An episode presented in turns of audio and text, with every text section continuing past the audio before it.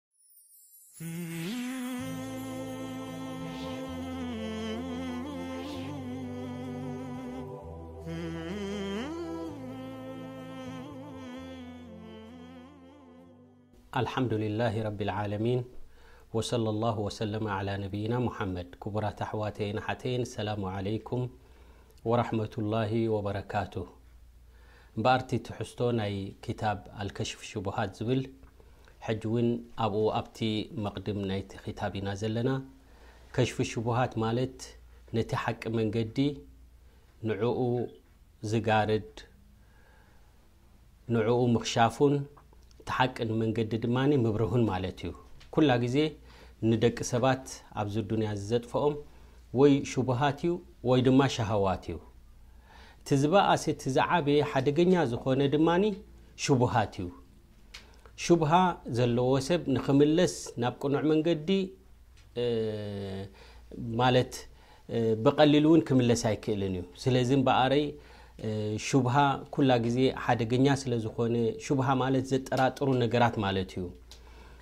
ኩላ ግዜ እኮ እቶም ቢድዓ ኣብ ቢድዓ ዝወድቁ ሰባት ሱቅ ኢሎም ብዘይ ደሊል ኣይኮኑን ዝኸዱ ዘለዉ ደሊል ኣለዎም ላኪን እቲ ደሊል ቅኑዕ ዘይኮነ ደሊሉ ከም ሓቂ ኮይኑ ይረኣዮም የደናግሮም ኣሎ እዚ እዩ ድማ ሕጂ ሹብሃ ተባሂሉ ዘሎ ማለት እዩ ወሊዛሊክ ካብ ሹብሃ ዝቐረበ ሰብ ንኽምለስ ብዙሕ ዕድል ስለ ዘይብሉ ወዲ ሰብ እታ ቅንዕቲ መንገዲ ምስ ሓዛ ኣብ መንገዲ ናይ ኣህሉ ሱና ወልጀማዓ ምስ ሓዘ ኣብቲ ሹብሃት ዘለዎ ቦታታት ኣብኡ ክቐርብ የብሉን ኩለማ ናብ ሹብሃ ቀሪብካ ናብ ሸር ቀሪብካ ኣለኻ ማለት እዩ ናብ ሸር ምቕራብ ድማ ንገዛ ርእሱ ሸሪ እዩ ማለት እዩ ወሊሃዛ ነዚ ሹብሃት እዚ ረቢ ስብሓን ወተዓላ ካብኡ ክሕልወና ካብኡ ድማ ክንጥንቀቕ ከም ዘለና ዱዓ ከነብዝሓ ኣለና ማለት እዩ ወሊሃዛ ነብዩና ሙሓመድ ለ ላ ለ ወሰለም ኩላ ግዜ ነፍሲ ወከፍ ሰላት ምስ ሰገድና ቅድሚ ሰላሙ ዓለይኩም ምባልና ኣርባዕተ ነገራት ተዓውዝ ክንገብር ኣዚዞምና። ገለ ዑለማ እዘን ተዓውዝ እዚኣተን ኣነቢ ዓለይሂ ሰላቱ ወሰላም ድኣዘዝወን ዋጅብ እየን ዝበሉ ኣለዉ ማለት እዩ።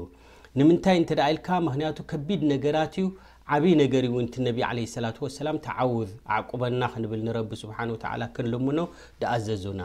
ንሱ ድማ ኣላሁመ ኢኒ ኣዑዙ ቢካ ሚን ፊትነቲ ልማሕያ ወልመማት ንብል ማለት እዩ። ኢዘን ባሪ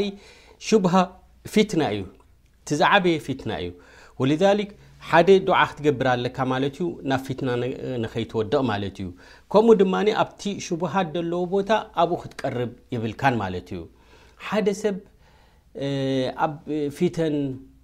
ኣብ ሹብሃ ንኸይወድቕ ዝያዳ ድሕግዞ እንታይ ኣሎ ማለት እዩ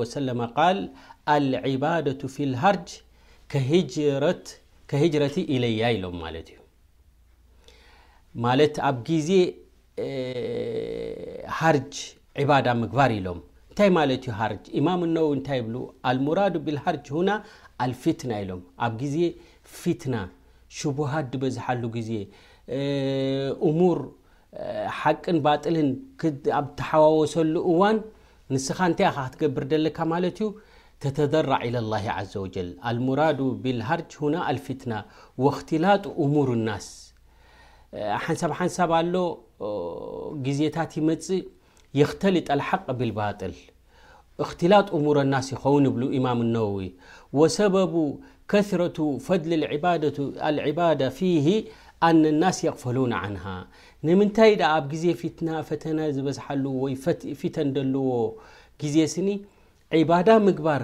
ከኣነክ ሂጅራ ናብ ረሱል ዝገበርካይ እቲ ኣጅሩ ዝበሃል ዘሎስ ንምንታይ እዩ እንድሕር ድኣ ኢልካ ይብሉ ኢማም ነወዊ ምኽንያቱ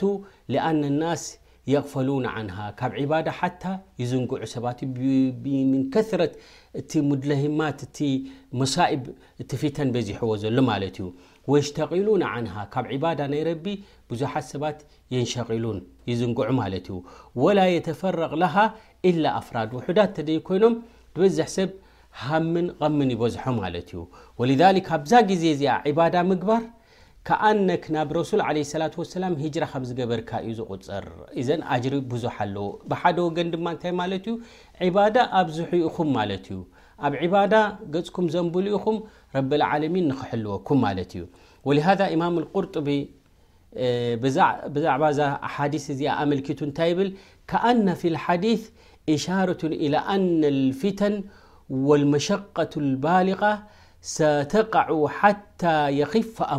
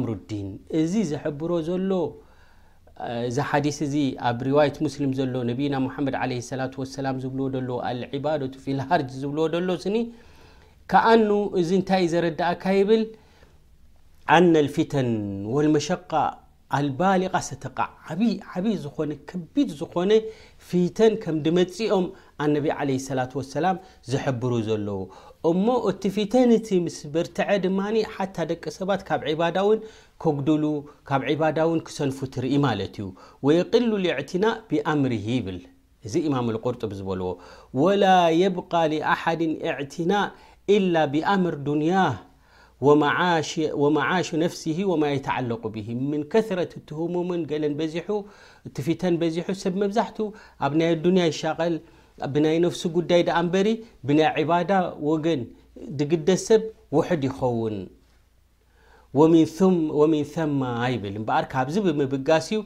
ዓዙመ ቐድረ ልዒባደቲ ኣያም ልፊተን እምበኣረይ ኣብ ኣያም ልፊተን ክኸውን ከሎ ዒባዳ ትገብሮ ኣጅር ብዙሓ ኣለዎ እንታይ የረዳእካ ብሓደ ሸንኺ ድማ ዕባዳ ምግባር ድማ ካብዚ ፊተን እዚ ክሕልወካ ይኽእል ማለት እዩ እዘን ፈልሙእሚን ሙጣለቡን ብዕባደት ላ ተላ ዓለ ደዋም ኩላ ግዜ ኣስላማይ እንታይ ክኸውን ኣሎ ኣብ ዕባዳ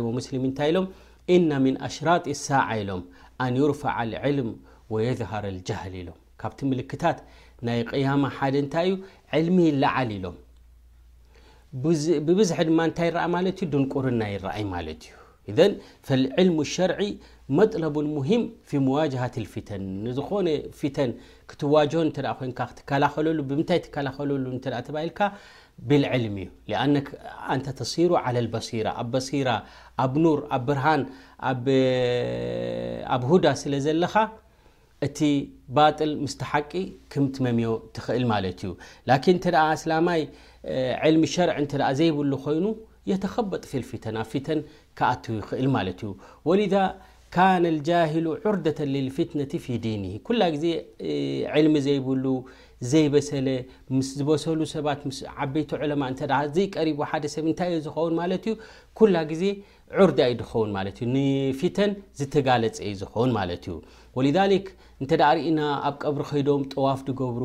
ኣብ ቀብሪ ኣብ ደሪሕ ከይዶም ድሰግዱ መን እዮም እንተ ደኣ ኢልካ እንተ ደኣ ተኣምሉ እንተ ደኣ ጌርካ ራኣይተሁም ምን ኣልጁሃላ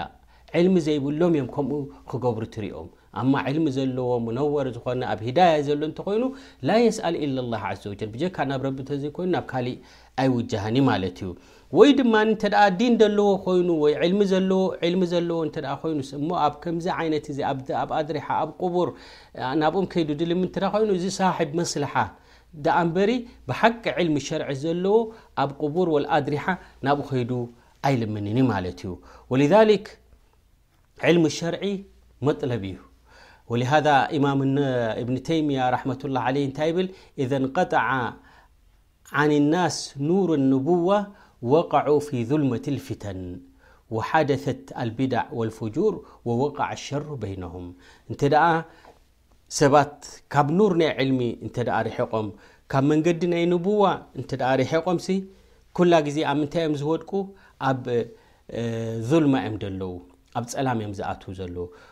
ኩለማ ኣብ ጸላም ቀሪቦም ድማ እንታይ እዮም ክኾኑ ማለት እዮም? ሓደሽቲ ምህዙታት፣ ቢድዓታት ረሱል ዘይገበርዎ፣ ከምኡ ድማ ካብ መንገዲ ምውጻእ፣ ብዙሕ ሽሩር ድማ ይርከብ ማለት እዩ። ኢዘን ኣልእዕቲሳም፣ ሓደ ሰብ ክድሕን እንተድኣ ኮይኑ ካብ ሹብሃ፣ እንታይ እዩ ክገብር ደለዎ ተተባሂሉ? ኣልእልቲፋፍ፣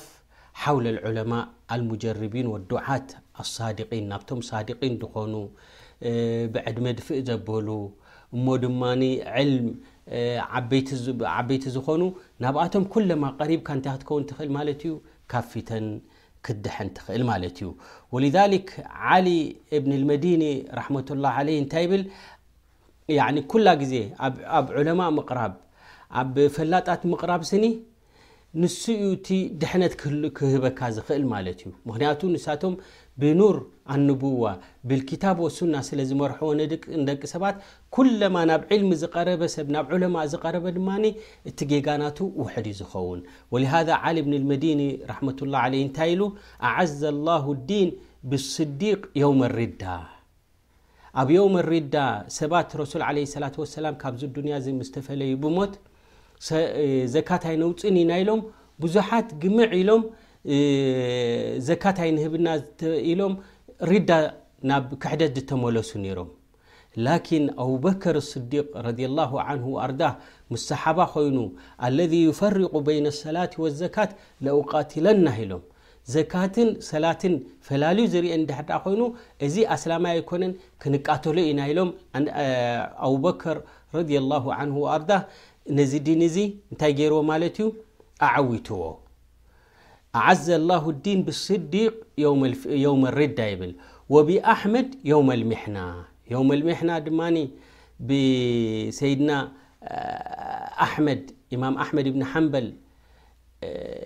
ረቢ ስብሓን ወተዓላ ብኦም ገይሩ ድማ ነዚ ዲን ኣዓዊትዎ ማለት እዩ ሰባት እንታይ ይብሉ ነይሮም ማለት እዮም ቁርን መክሉቅ ኢሎም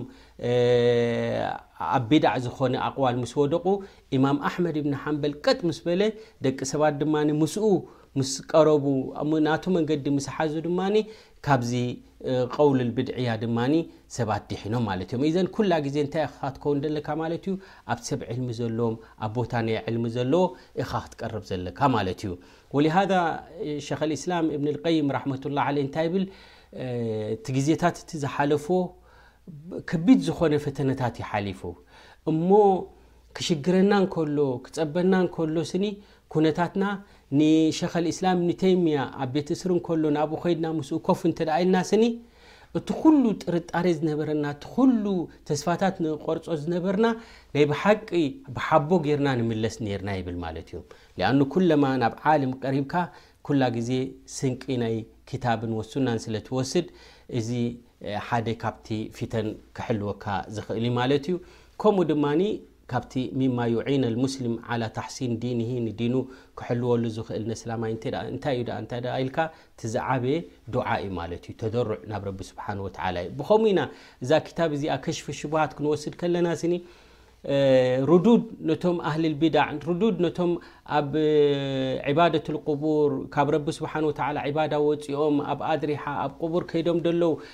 ንሳቶም ሹብሃ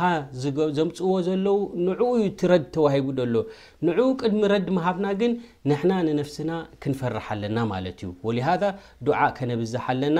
ኢህዲና ሲራጠል ሙስተቂም ንብል። ከምኡ ድማ ኣብ ዱዓእ ድማ ከምቲ ኣብ ቁኑት ዘሎ ኣላሁመ ኣህዲኒ ፊመን ሃደይት እንዳበልካ ዱዓ ምግባር ንገዛእ ርእስና ኣብቲ መንገዲ ቀጥ ከብለና ክንልምኖ ኣለና ማለት እዩ። ወነስኣሉላህ ዓዘወጀል ኣን ይወፊቀና ሊማ ዩሒቡሁ ወየርዳህ።